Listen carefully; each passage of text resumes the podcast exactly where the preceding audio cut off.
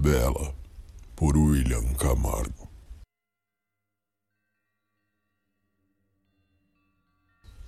Ser investigador de polícia tem suas vantagens, mas não é para qualquer um. Existem casos que marcam nossa vida, casos que nos fazem duvidar da nossa sanidade e que nos mudam para sempre.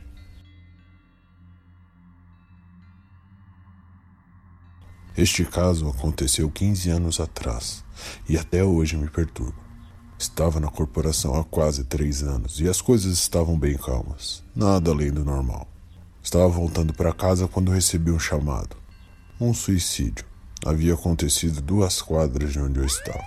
Fui até o local para verificar. Era uma mulher de 46 anos. Havia se enforcado no porão da casa, em frente a um grande espelho. Seu marido a encontrou e ligou para a emergência. A mulher deixou uma espécie de carta, mas não era uma carta de despedida, e sim um pedido de desculpas. Antes de ler a carta, vamos falar sobre a Ana, a mulher que se enforcou. Existia um caso arquivado em sua ficha criminal. Datava de 17 anos antes de sua morte. Ana teve uma filha em outro casamento, e a garota morreu afogada aos seis anos de idade num lago. Chamava-se Júlia. A investigação não levou a lugar nenhum. Acreditavam na época ter sido um acidente, mas não foi. Ana se separou após a morte da filha, e três anos depois ela se casou novamente, teve outra filha, Isabela. E quando a garota completou seis anos, ela se enforcou. A carta encontrada no local do suicídio dizia: Nunca foi fácil para mim. Os olhares, os apelidos, a rejeição. No fundo, toda mulher quer ser bonita. E eu jamais pude ser. Desde o colégio fui rejeitada pelos garotos e tolerada pelas meninas. Quase nunca um relacionamento ia para frente e nunca era o que eu pensava. Isso mexeu muito comigo, muito mesmo.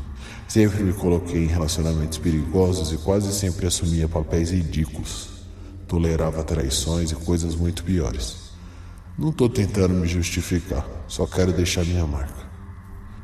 Me arrependo amargamente do que fiz e não posso mais conviver com isso. Júlia era uma menininha adorável. Nasceu saudável, maior do que esperávamos. Puxou meu cabelo loiro e os olhos verdes de seu pai aquele traste. Desde cedo ela me perguntava: Mamãe, eu sou bonita? E eu sempre respondi: A mais linda que já vi, filha. Ela adorava quando eu respondia assim. Meu casamento não ia nada bem. Eu apanhava frequentemente daquele bêbado e nunca tive coragem o bastante. Certo dia, depois de uma bela surra, corri para o lago e Júlia veio atrás de mim.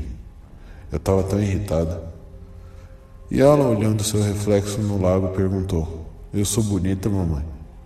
E eu, possessa daquele sentimento de raiva, a segurei pelos braços e joguei no lago. Assisti ela se debater até morrer.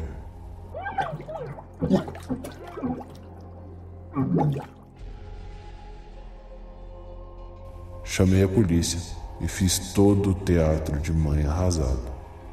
Me separei, continuei minha vida. Me casei, tive a Isabela e segui minha vida até hoje, quando fui colocá-la para dormir.